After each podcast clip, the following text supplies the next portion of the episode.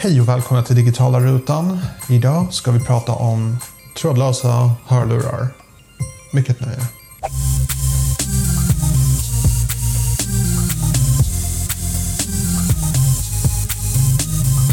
Okej, okay, så mobiltillverkare har börjat slopa hörlursuttag och det börjar komma allt fler trådlösa alternativ. Inte bara hörlurar men även tangentbord och möss till och med laddning. Vi har trådlös laddning. Så trådlöst verkar vara den nya tekniska trenden. Och jag ville dela med mig lite av min personliga erfarenhet hur det är att ha trådlösa hörlurar.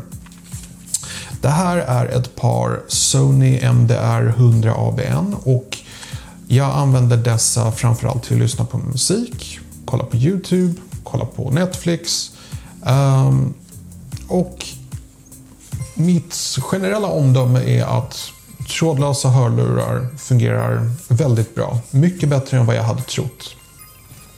Det som gjorde att jag först var lite osäker om jag ville ha trådlösa hörlurar, det är att det var ett batteri. Och jag tänkte, öh vad jobbigt, behöva ladda batterier. Medan med vanliga hörlurar så behöver du bara koppla in en kabel så är det klart.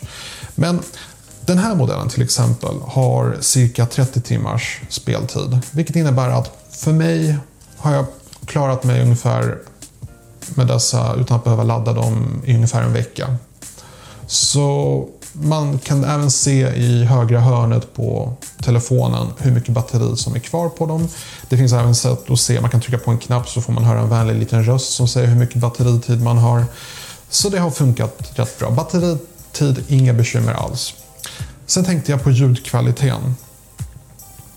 Bör säga att jag är definitivt ingen audiofil person. Ehm, jag kan inte höra mycket skillnader på trådlös ljud och vanlig kabelljud. Det finns de som säger att trådlösa hörlurar att det finns en försämring i ljudkvaliteten. Jag kan personligen inte höra någon skillnad och jag tror faktiskt att majoriteten av oss människor inte skulle märka någon skillnad heller.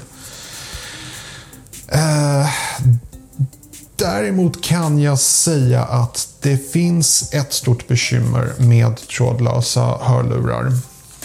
Och det har faktiskt att göra med smartphones.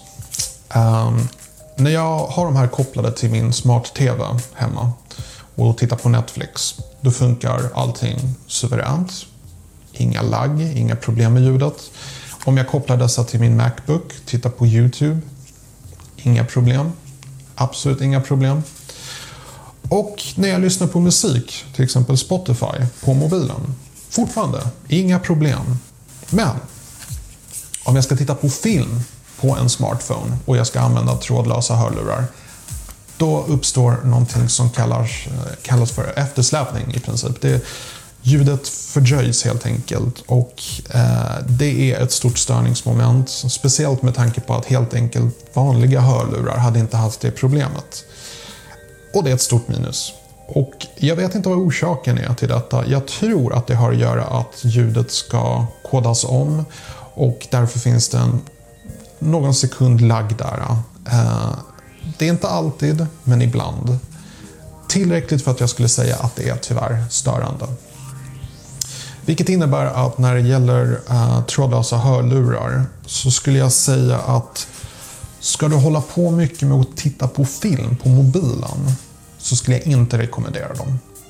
Men för precis allt annat, som att lyssna på musik, som att använda dem till TVn där hemma, som att använda dem till datorn, så funkar de faktiskt riktigt bra. Och det finns många väldigt bra märken, allt från Sony, du har Audio Technica, eh, Bose och så finns det även en variant av trådlösa hörlurar som även har brusreducering.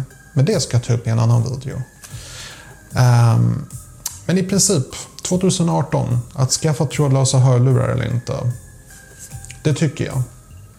I stort som 9 av 10 uh, ehm, så funkar det avsevärt mycket bättre än vad man hade trott. Så att uh, det var allt jag hade för den här videon. Hoppas ni tyckte om den. Och eh, glöm inte att lämna en kommentar. Och prenumerera på den här kanalen så ni inte missar när jag släpper nya videon. Och jag passar på att önska dig en trevlig dag.